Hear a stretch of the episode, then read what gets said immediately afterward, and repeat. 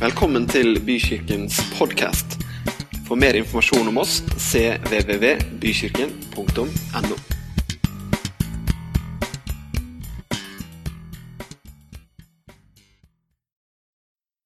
Ja, da skal vi begynne på denne reisa, da. 100 dager med Jesus. Eh, og jeg, eh, jeg har et litt sånn egoistisk motiv for å bli med på det her. Eh, fordi at jeg, eh, jeg har jo vært litt sånn i et slags trenerasyl siden eh, september. Så jeg har ikke vært så mye her. For da, da sa jeg ja til å av det var behov og sånn, så sa jeg ja til å bli trener da, for, eh, for U15-laget til Tønsberg Vikings hockey. Og da er det liksom fem-seks dager i uka da, å reise land og strand og sånn. Har du sagt A, så må du si B. Så sånn har det sett ut. Eh, og så halter jeg litt. Så hvis jeg går litt sånn, så er det ikke fordi jeg prøver å tøffe meg, men eh, fordi at jeg har fått en voksen hockeyspiller over kneet, så kneet gikk litt feil vei. Så det er litt sånn skjørt ennå. Men eh, det blir bra, sier de, så det er fint. Eh, så Bent Ove kom til meg her for en del uker siden. Og vi tok en kaffe på biblioteket, var det vel. Eh, og så spurte han om jeg kunne tenke meg å være med på det her med 100 dager eh, med Jesus. Og så tenkte jeg først at det, det var innmari lenge, egentlig. 100 dager. Og eh, har jeg tid til det, liksom? Eh, og så fant jeg at det har jeg jo tid til. Sånn som nå ebber jo ting litt ut med det andre. Eh, og så er det sånn at jeg sa til Bent at jeg har lyst til å være med fordi jeg, jeg syns jeg trenger det sjøl. Rett og slett. Jeg syns jeg trenger det sjøl. Nå har det vært så mye full fart med andre ting. Eh, og så er det noe med det å fornye seg, da. Å leve i fornyelse. Det er jo ikke sånn at ting bare fornyer seg sjøl alltid. Altså. altså. vi må jo også gjøre noe for å fornye oss, da. Ikke sant? Altså, Malte du huset i fjor, så sorry, men uh, uansett hvor bra maling du bruker, nå er det jo snart oppe i 20 år før du må male på nytt, men altså, en eller annen gang så må du male på nytt. Trente du forrige uke, så må du må trene neste uke for å, for å holde formen ved like. Altså, Vaska du huset i går, så må du sannsynligvis vaske det til uka igjen for å holde det gående. Eh, og sånn åndelig òg, så er det klart at eh, man trenger å gjøre noe som fornyer oss. Da. Jeg har litt tro på det med å disiplinere seg til ting og det å forplikte seg til ting. Eh, så jeg, Min eh, første motivasjon det var at jeg føler jeg trenger det sjøl. Familien min trenger det, og vi trenger det. Sånn at eh, det, det er liksom utgangspunktet mitt. Og så syns jeg det er spennende, en spennende bok. Fin og, og, veldig bra og sånne ting. Så, men så tenker jeg også det at hvis vi først gjør det, da, hvis du først har kjøpt boka da, og sier ja, jeg har kjøpt boka, jeg skal være med, så, så gjør det, da. La, la, oss gjøre det. Skjønner du hva jeg mener med det? Jeg kjøpte boka, jeg har vært innom noen dager og Nei, men kan vi ikke ta og gjøre det? Liksom, vi leser hver dag. Oss så blir det middag det eneste døgnet, tida på døgnet hvor vi er samla. Sånn noenlunde hjemme. Så da blir det middag. Og så er det en åndelig, liten åndelig øvelse som noen ganger går på ting man tenker på. Sånn. Andre ganger så går det på ting man kan gjøre. Men la oss gjøre, altså ambisjoner det leder jo ikke til noen ting hvis ikke det følges opp med handling. Sånn er det jo. Jeg sier det til gutta mine, jeg trener, at du blir ikke god av å se på YouTube. Du må ut og trene. Altså, du må, må, gjøre det i virkeligheten. Altså, det hjelper ikke å se en som er veldig god på skudd. Du må ut og skyte skal du bli god. Sånn er det òg. Skal vi fornye oss, så må vi liksom gjøre ting noen ganger. Så hvis du har bestemt deg for å være med, så kan du godt si til en som sitter ved siden av deg, bare hvis du har bestemt deg, si at 'jeg, jeg skal fullføre'. Så kan dere spørre hverandre om et par uker. Åssen går det? Åssen går det? Tro på det å stå til regnskap. Accountability. Ja. Det første, den første liksom hovedoverskriften, temaet vi starter med, det er eh, hvordan begynte det? Begynnelsen skal vi snakke litt om i dag. Eh, vi skal holde oss til Johannes evangeliet, eh, kapittel 1, fra vers 1 til 13. Og den, den, hele reisa her i boka tar utgangspunkt i Johannes evangeliet, som er skrevet av den disippelen som Jesus elska, Johannes, som eh, etter alle solemerker når vi leser Bibelen, også var fetteren til Jesus. Så han kjente jo Jesus godt, og han kommer til anerkjennelsen om hvem Jesus faktisk var. Og Vi skal lese Johannes 1, vers 1-5. Der står det I begynnelsen var Ordet. Ordet var hos Gud, og Ordet var Gud. Han var i begynnelsen hos Gud. Alt er blitt til ved ham. Uten ham er ikke noe blitt til. Det som ble til i ham, var liv, og livet var menneskenes lys. Lyset skinner i mørket, og mørket har ikke overvunnet det. Begynnelsen Det er jo et bra sted å begynne på starten. Jeg, jeg tenker jo at det ethvert menneske tenker om begynnelsen, og da mener jeg hva vi tenker om Hvordan starta alt? da? Hvordan starta livet? Hvordan starta universet? Hvordan starta eksistensen vår? At alt som fins, faktisk fins? Altså, hva vi tenker om det, det setter jo en sånn veldig kurs, tror jeg. Jeg tror det fargelegger veldig mye hvordan vi tenker om livet. Om vi er bevisst på det eller ikke. Men Bibelen snakker om fra begynnelsen. Og det kan være vanskelig å finne ut av. Selvfølgelig er det sånne evige filosofiske spørsmål som går rundt. Hvordan skjedde det? Hva var starten på alt liv? Det, og det, så, det, er ikke alltid så lett å forholde seg til. og Jeg, jeg tenkte jeg, måtte, jeg må bare vise dere et morsomt eksempel på hvor vanskelig det kan være, det her med begynnelsen. Og det er en eh, som skal lese fra Genesis 1. Det er ikke noe bra bildekvalitet, men det viser hvor vanskelig det her med begynnelsen kan være. Vi må kjøre et lite klipp her. 30 sekunder. Genesis 1, verse 1. In the beginning. Det er ikke lett, det her med begynnelsen, altså. Uh, og det er jo ikke det. På en måte så handler jo alt om hvordan er det ting starta. Men når Bibelen bruker begrepet begynnelsen, det er jo et begrep vi finner igjen mange ganger i Bibelen, så er det alltid sånn at det begrepet det snakker alltid om noe som var for uendelig lenge siden, eller for evig siden. Det er ikke noe sånn tallfesta Ja, begynnelsen, ja, det var uh, skal vi se, Det var akkurat for 6000 år siden. eller noe sånt. Altså, Begynnelsen handler om noe som er uendelig lenge siden, noe som er evig lenge siden. Og Vi finner jo igjen det i første Mosebok 1. I begynnelsen skapte Gud himmel og jord. Og Når det da står om Jesus at han i begynnelsen var Ordet, han var i begynnelsen hos Gud, så handler det om noe som er uendelig lenge siden. Det handler om noe som er evig lenge siden. Utafor det her som vi kaller for tidsregning. For tidsregning det kan jo ikke ha eksistert før universet ble skapt og sola kom og jorda begynte å gå rundt uh, sola, ikke sant? og den dreier rundt. Og så får vi det med døgn, og så får vi det med 24 timer i døgnet før sola står opp igjen. Og så får vi plutselig år og alt det her. Så det eksisterte jo selvfølgelig ikke. Så begynnelsen det er før tid. Jesus er før tid. Gud er før tid. Så for å forstå hvem Jesus var og er, så tar Johannes oss med til det som han kaller da for begynnelsen, noe som er uendelig lenge siden. I begynnelsen var Ordet, Ordet var hos Gud, og Ordet var Gud. Han var i begynnelsen hos Gud. Og Johannes presenterer da Jesus som Ordet. Han presenterer ikke Jesus som den som ble født av jomfru Maria, men han presenterer Jesus som han som har vært før han kom. Før han ble født, så var han. Og han er skaperen. Johannes svarer på det store spørsmålet som må besvares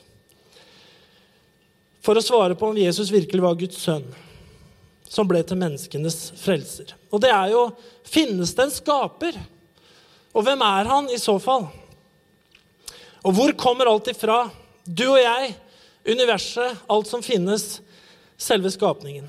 Og det er klart at det, i vår, I vår, vestlige verden finnes det mange fortellinger om starten, om begynnelsen i ulike tradisjoner og religioner. Men her i vår vestlige del av verden da, så har vi på en måte grunnleggende to historier som dominerer det her med forståelsen av starten eller begynnelsen. Og den ene historien den, eh, den handler jo om eh, at eh, det er en skaper, det er en gud, som har, som har skapt, hvor det fins en hensikt, hvor det fins en mening bak det som er. Og så fins det en andre historie som eh, forteller en historie om at, at det var kaos. At det, var, eh, at det skjedde noe på partikkelnivå, på atomnivå. Og så blir det kosmos, det blir orden i kaos. Og ut fra orden i kaos så får vi et big bang. Og det kan gjerne ha vært et big bang, men det er et big bang i hvert fall som har skjedd ikke ut fra en guddommelig hensikt, da, men ut fra mer eller mindre da, rett og slett tilfeldigheter i kosmos som gjør at eh, alt det vi ser, har blitt ordna av seg selv gjennom historien på mange millioner år. Det kalles the big bang. Men der er det ikke nødvendigvis en gud involvert. Er nødvendigvis ikke noe intelligens, det er ikke noe plan bak det. Og jeg eh, Det her har interessert meg veldig. Og jeg, helt personlig, da, det er min personlige eh, opplevelse og tanke om det, er at det, eh, jeg føler at det, når man studerer skaperverket, så skal det på en måte mer til. Det skal mer tro til da, å tro på at alt som fins basically og i ytterste enden er et resultat av tilfeldigheter som har fått alt i system. På en så fantastisk måte som hele naturen fungerer, og hele universet og alle planeter som går i baner. og altså Alt. Det er jo Jeg føler jeg må ha veldig sterk tro for å tro at det er tilfeldig. Eh, men den Big Bang-teorien det er jo en teori om universets utvikling. ikke sant? Eh, og det man skriver, det skrives jo om det mange steder. Men Norsk Romsenter for eksempel, skriver at ifølge teorien fantes, fantes all materie i universet ekstremt lite tett og varmt punkt ut fra navnet The Big Bang. Skulle man tro at det eksploderte, men det er kanskje riktigere å si at det begynte å ekspandere med en utrolig fart. Dette skjedde for rundt 13,7 milliarder år siden. Det er noen som har en bra kalender der. Men universet har fortsatt å ekspandere og strekke seg ut siden. Og så skriver de alt dette skjedde, at det skjedde, er de fleste forskere enige om. Men det er stor usikkerhet om hva som fikk det til å skje. Og det er jo akkurat det spørsmålet da, som Johannes kommer inn på, og som Bibelen snakker om. ikke sant? Det kan jo selvfølgelig, Et sted har jo livet begynt. Et, et sted har jo skapelsen begynt, hvis du tror på skapelse. Og det må ha vært en voldsom forløsning av kraft Alltid når Gud skaper, så forløses det kraft. ikke sant? Om det er mirakler, som sa at han fikk kraft ifra Gud ikke sant? til å helbrede. Så det er, alltid, det er alltid en utløsning av energi når Gud skaper. For Gud, Gud er kraft. Gud er energi. ikke sant? Sånn at, eh, Men spørsmålet er jo hva var det som fikk det til å skje? Var det tilfeldigheter, eller var det en gud som hadde en intelligent tanke bak det, en plan bak det. Og Det er jo et kjempestort spørsmål som jeg tenker at hva du tror om det, har jo en helt avgjørende betydning på hvilken vei du velger, og hva du, hva du da tror på og kan tro på. Eh, og så har man noen ganger det inntrykket i hvert fall får man det inntrykket når man snakker med enkelte og leser en del artikler, og sånne ting, at jo mer du forsker, jo mer du forstår av universet, jo mer ut i forskningen du, du kommer, liksom, eh, jo større Altså, det, På en måte så øker da muligheten til å tro på Gud. Den, altså den minker proporsjonalt med hvor mye du leser. Så kan du veldig mye om universet, så er det nesten er lik. Det er umulig å tro på en gud. Og Det er sånn inntrykk du kan få noen gang. Men jeg har, jeg har faktisk eh, tremenningen min. Han er en av Europas eh, fremste, kanskje faktisk en av verdens fremste astronomer. Han er norsk fysiker, han er professor på Universitetet i Oslo. Vært førsteamanuensis der siden 2009. Har vunnet masse priser, reiser hele verden rundt og gir, gir eh, foredrag. Eh, og forsker nå de siste årene forsker mye på den kosmiske bakgrunnsstrålinga i universet ut fra en av satellittene til NASA. Så han er bra der oppe på de tinga her. Og, og, han lurer på om universet kan være litt bøyd, litt krumma. da. Det sier meg ingenting, men det, han syns det er veldig interessant. Men Men han eh, Han tror på Gud, da. Ja, ikke sant? Altså, så det er ikke sånn eh, Og det er jo litt artig, for det, at han kan mest i Norge om det, og blant aller mest i Europa og internasjonalt, det betyr ikke at han har mista troen på Gud. Og det er ganske kult, syns jeg. For, for meg også så er det sånn at det er vanskelig å tro at alt kan være tilfeldig. Men det er en enormt stor forskjell. For hvis det er Gud som har skapt, hvis det er Jesus som er skaperen, da, så betyr det at ting har en intelligent design. Det betyr at ting har en Skapelsen har en hensikt. En bevisst plan, i hvert fall i utgangspunktet, en plan som har blitt forkludra i og for seg. Men det betyr også at mennesket er et åndelig vesen. Og det betyr også at det fins noen sannheter som er konstante. Det betyr at det er en del ting som er sant. Noe er konstant sant fordi det er sånn. Fordi Gud er sannhet, og fordi han har tanker om ting. Sånn må det være. Og i motsatt tilfelle, dersom det ikke er en Gud som står bak skapelsen, om det ikke fins en skaper, det eksisterer ikke en skaper, og at kaos ble kosmos, og at tilfeldigheter i kosmos skapte livsformer, så betyr det dypest sett at du og jeg, du og jeg som mennesker, vi er et resultat av tilfeldigheter. Det finnes ingen egentlig, egentlig hensikt med livet vårt utover det vi lager selv. Og det kan være flotte hensikter, det. Men dypest sett da, så finnes det ikke noe hensikt med livet vårt. Det finnes ingen bevisst plan. Og som mennesker så er vi vi er materie. Vi er celler. Vi er kjemi. Vi er elektriske signaler. Vi er synapser. Da er det det vi er, dypest sett. Og da er vi evolusjon. Vi er øverst i næringskjeder. Og det betyr at ingen sannheter er konstante. Det er alltid det som flertallet blir enige om er sant, som er sant. Fins ikke noe som er sant. Og dypest sett så blir det lovløshet, som Bibelen også snakker om. Jeg vet ikke åssen det er med deg, men for meg så blir den, den sekulære historien om, om, min eksistens, eventuelt hvis den stemmer, så blir den veldig fattig, da. Jeg ender opp med å være Det høres veldig fælt ut, men tar det ut, så ender jeg opp med å være en materie, en cellestruktur, som lever her på jorda noen år. Og jeg finner mine greier. Og så er jeg borte. Det er ikke noe mer. Jeg er bare biologi. Jeg er ikke ånd. Når kroppen opphører å eksistere, så er det ikke noe mer. Det er ikke noe annet. Det er ikke noe før, det er ikke noe etter. Når cellene dør, så dør også jeg. Jeg hadde, jeg hadde litt om psykologi når jeg tok helseutdanning. Da hadde vi en lærer inne. Og eh, det var jo veldig interessant. Men han, han snakka om de ulike stoffene i hjernen vår. Da. Hjernen er jo veldig interessant. Men han snakka om de ulike stoffene, ulike kjemiske stoffene som, som kroppen skiller ut. Eh, som skilles ut i ulike situasjoner. Dere kjenner til adrenalin. ikke sant? Du får adrenalinrush. Du opplever noe, du holder på å ramle ut fra et stup, eller noe sånt. Du kjenner adrenalin, og du får det rushet i kroppen ikke sant? hvor du blir helt skjelven nesten. Så det her er jo helt reelle ting. Men han gikk jo gjennom disse stoffene, mange sånne stoffer. ikke sant? Eh, står noen navnet på noen av dem her oppe nå, kanskje? Ja. Ikke sant? Dopamin.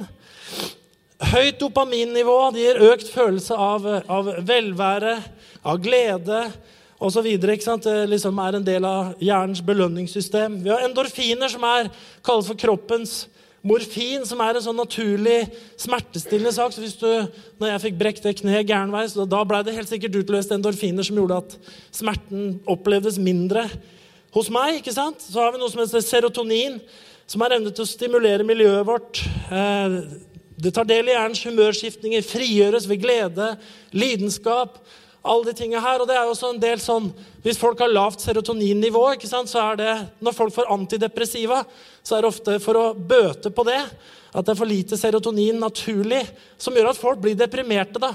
Så har vi jo piller. ikke sant? Vi bruker kjemi, vi, i lege, legevitenskapen. han er jo kjemi som påvirker eh, kroppen vår, som påvirker hjernen vår. Og han snakka jo om alt det her. Og så tenkte jeg, når jeg sitter og hørt lenge på han, så tenkte jeg Mener han egentlig at vi, vi er bare kjemi, alt sammen? Og så er det bare det det er, liksom. på en måte. Så jeg, jeg rakk opp hånda så spurte jeg hva tenker du Hva tenker du om begreper som sjel og ånd? At mennesket er en sjel. Har vi en sjel, sa jeg, eller er det egentlig bare kjemi alt sammen? Og kortversjonen av svaret hans var jo ja. Det er egentlig svaret, altså. Ja, og det er jo egentlig det, ut fra den logikken. Og da kjenner jeg at det menneskesynet blir ganske fattig for meg, altså.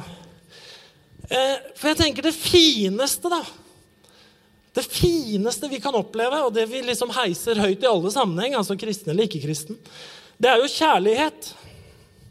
Ikke sant? Men skal du se kjemisk på det, så er forelskelse en overdose av stresshormonet kortisol og lavt serotoninnivå. Og da, da blir det jo plutselig veldig lite stas. Den herre kjærligheten hvis det er bare det det er altså, Kanskje få kjøpt en sånn pille i framtida. Med riktig kjemisk nivå, så blir du forelska i første du møter. Jeg vet ikke, men altså Det ender opp det ender opp med noe som jeg syns blir veldig fattig. For jeg tror at kjærlighet og åndelighet eh, At vi er noe mer enn bare celler. Og tror vi på skapelsen, at det fins en Gud, så er vi noe mer enn bare det. Det fins et før, det fins et liv her, og det fins noe etterpå.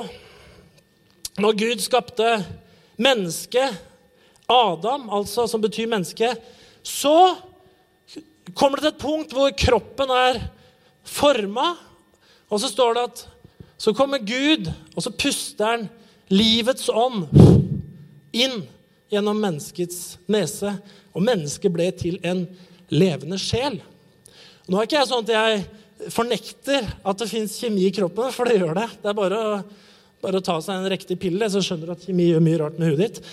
Men eh, det, det, er ikke noe vanskelig å skjønne at det påvirker. Men om vi bare er det, så stemmer ikke det med den bibelske fortellingen som forteller at mennesket ble en levende sjel, og mennesket ble en evig sjel. Som handler om at når kroppen dør, som var først, før livet ble blåst inn, så blir kroppen Den forsvinner tilbake av jord. Har det kommet til jord, skal du bli. Men sjelen, det du er, den er evig. Og jeg vet ikke om du har sett det. Sikkert noen av dere som har vært på det man kaller for likskue. Og da, Jeg husker første gang jeg var på det. Det var, jeg var eh, Min mormor hadde gått bort. Hadde jo kjent henne hele livet, selvfølgelig. Jeg husker jeg kom inn på det rommet og akkurat gått bort og lå der. Hadde stelt deg. Og det var så enormt tydelig at hun var borte. Det var virkelig bare tomt skall igjen. Og det jo mange, Bibelen er jo full av sånne historier, men det finnes jo også utrolig mange andre historier av mennesker som har opplevd det mellom, mellomsjiktet mellom liv og død. Og hvordan de har vært ute av kroppen osv. Så at sjelen, ånden vår, er ikke knytta og bundet til kroppen. Forkynneren 3.11 sier jo noe om det. At evigheten, dette åndelige, da, er lagt ned i alle mennesker. Alt skapte han vakkert, hver ting til sin tid. Ja, til alle, tid, ja, alle tider har han lagt i menneskenes hjerte. Likevel kan ikke mennesket fatte det Gud har gjort fra begynnelse til slutt. I en annen oversettelse står det ja, evigheten har han lagt i menneskets hjerte. Og Det ser vi gjennom hele menneskehistorien. Eh, velutvikla, lavutvikla samfunn, uansett religion og kultur. Mennesket har en sånn åndelig lengsel. De har et åndelig behov som gir seg til kjenne igjen og igjen. Vi skal gå videre. Bruddet. Hvorfor kom han? Vi går tilbake til Johannes-fortellingen. Johannes 1, 9-11. Der står det det sanne lys som lyser for hvert menneske, kom nå til verden. Han var i verden, og verden er blitt til ved ham, men verden kjente ham ikke. Han kom til sitt eget, og hans egne tok ikke imot ham. Historien om synden som kommer inn i verden, er samtidig historien om menneskets brudd med Gud. Om naturforvandlingen som skjedde når vi ble syndige og Gud fortsatt var hellig. ikke sant? Og det ble som ild og vann. Og mange tenker at det, hvorfor, hvorfor, kan ikke Gud fortsatt ha med mennesket å gjøre? Ble, det ble to forskjellige naturer som ikke gikk an å mikse, akkurat som ild og vann. ikke sant? Du kan ikke, du kan ikke blande ild og vann.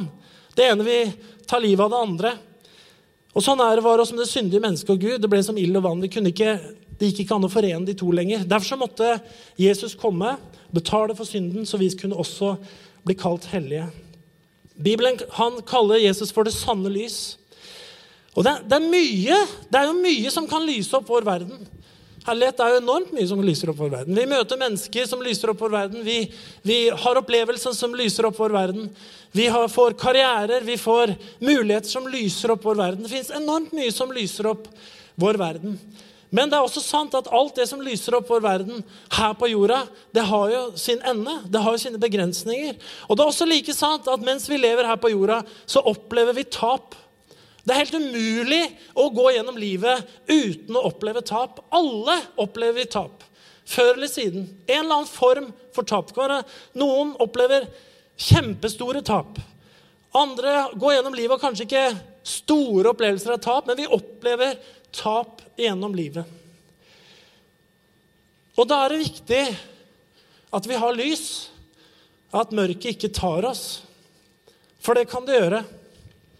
For eh, fire uker siden cirka, så får jeg en melding av en barndomskamerat som ikke ser sånn kjempeofte. Men da jeg vokste opp, så gikk jeg i samme skoleklasse fra første til niende, som det var den gang. Og vi var en gjeng med gutter i gata, fire-fem stykker. Vi var liksom alltid sammen. Vi sparka fotball, vi sykla, vi slåss. Vi, altså, sånn hyggelig da, som gutter ble enige om. Skal vi, skal vi ta og slåss litt i ettermiddag? Ja, det gjør vi. ikke sant? Altså, jeg fikk alltid venstre boksehanske. Han ene kompisen husker, han hadde bare ett par boksehansker. Så han fikk høyre. da. Han var skikkelig god på den. Jeg hadde venstre. Var, kjær, var ikke keivhendt. Eh, men jeg får, jeg får, en melding fra en kamerat som sier 'Har du hørt det? Det som har skjedd?' Og jeg skjønte ingenting. Så med hvem? Med hva? Kan jeg ringe, sier han. Ja. Så ringer han. Og da er det eh, en av de fire-fem som jeg var enormt mye sammen med i hele oppveksten. Som like gammel som meg da, selvfølgelig. 52 år. Bodde her ute på Tolsrud, i barndomshjemmet. En fyr som hadde vært gift i 25 år. Tre unger. Kona gjør det bra. Alle ungene gjør det kjempebra. Yngste datter er 17 år. Fått barnebarn akkurat. To stykker. Og eh, har hatt en kjempebra karriere. Vært eh, redningsmann på 330-skvadronen, blitt senka ned i havet og redda folk. Vært den typen. Alltid positiv. Alltid godt humør, alltid en god replikk. Har gjort det slutt på, på seg sjøl. Plutselig. Hadde alt. Og så velger man bare å, å avslutte. Når du har så mye å miste. Du har alt det folk springer etter. Du har familie, du har barn som gjør det bra, kone du er glad i. Alt materielt du kan tenke deg. Masse venner, action, Birkebeineren, jakt, full fart. Avslutter livet helt uventa. Da har det blitt veldig mørkt. Jeg dro i begravelsen sammen med veldig mange andre. Og kona reiser seg opp og holder et minneord som selvfølgelig var ekstremt sterkt å sitte og høre på, og sier at det kom helt ut av ingenting. Og da Og det er jo ikke den eneste. Og da skjønner man jo at eh, igjen hvor mørkt det kan bli. Da hos oss mennesker. Hva har vi da, når vi har alt? Og så er egentlig det Så opplever vi at det er ingenting. Og det kan jo komme på alle. Mørke, tap. Men det er her Jesus sier, da Eller her Johannes sier at Jesus er verdens lys. Og det er, mye, det er mye snakk om å snakke om ting i vår tid. Jeg jobber jo jeg jobber innenfor psykiatrien.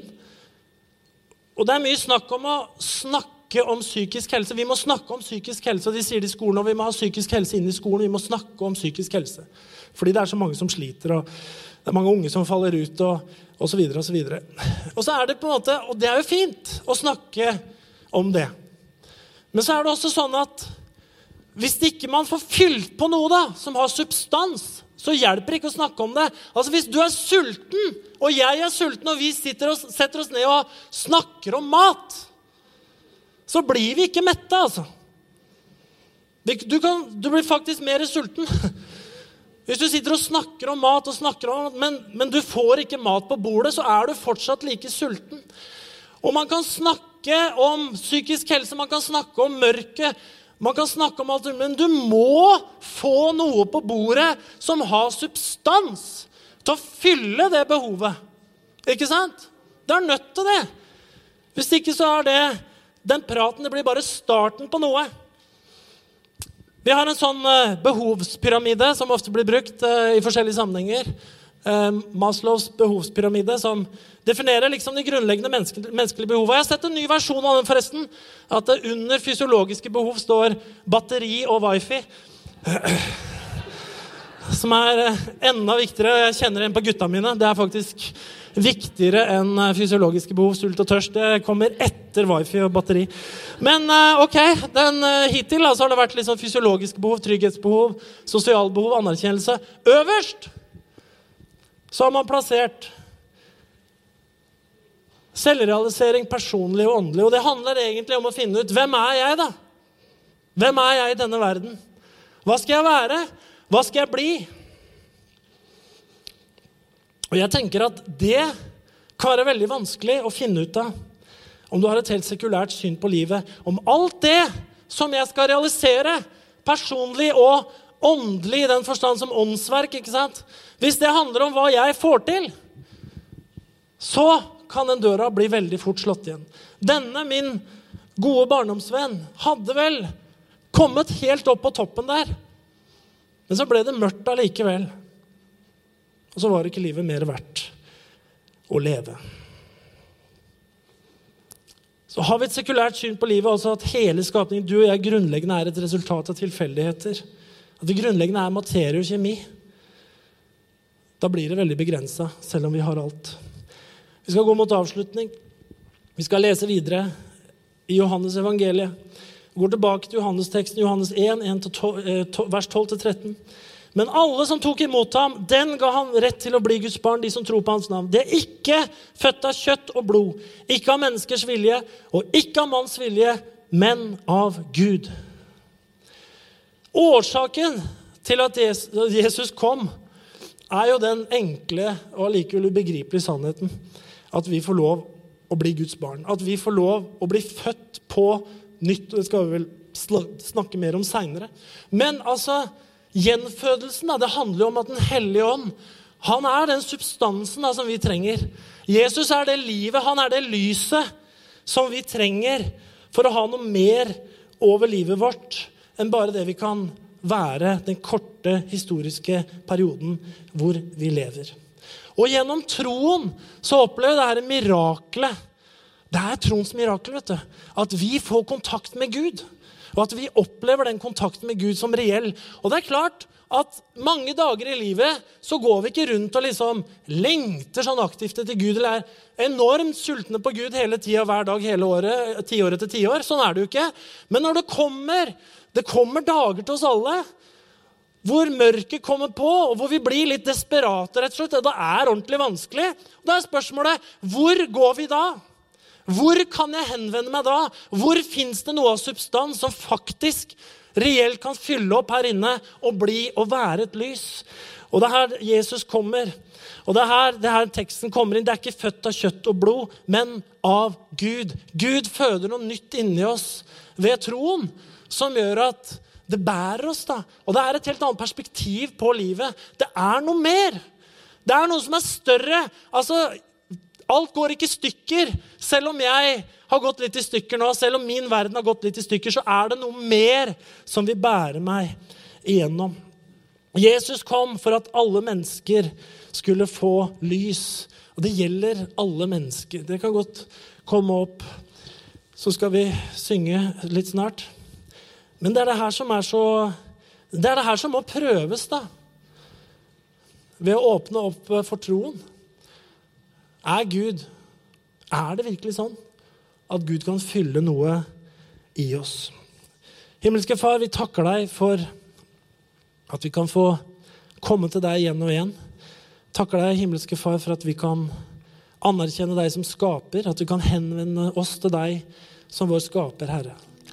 Jeg takker deg, Far i himmelen, for at uh, gjennom troen på deg så kan vi også tro at vi ikke er tilfeldige, at ikke vi er på en måte dypest sett en meningsløse personer, men at vi, vi er uh, skapt i ditt bilde. At vi, vi er noe ikke bare akkurat nå, men vi er noe også for evigheten.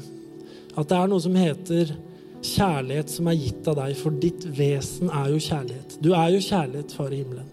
Det har du sagt. Og at kjærlighet det er noe dypt, det er noe, det er noe åndelig som vi kan kjenne og oppleve. Som løfter oss ut uansett hvilken situasjon vi kan være i. Vi takker deg for det, Herre. Jeg tenker vi kan reise oss opp, og så kan vi henvende oss til Gud. Og bare priser vi Herren med en sang.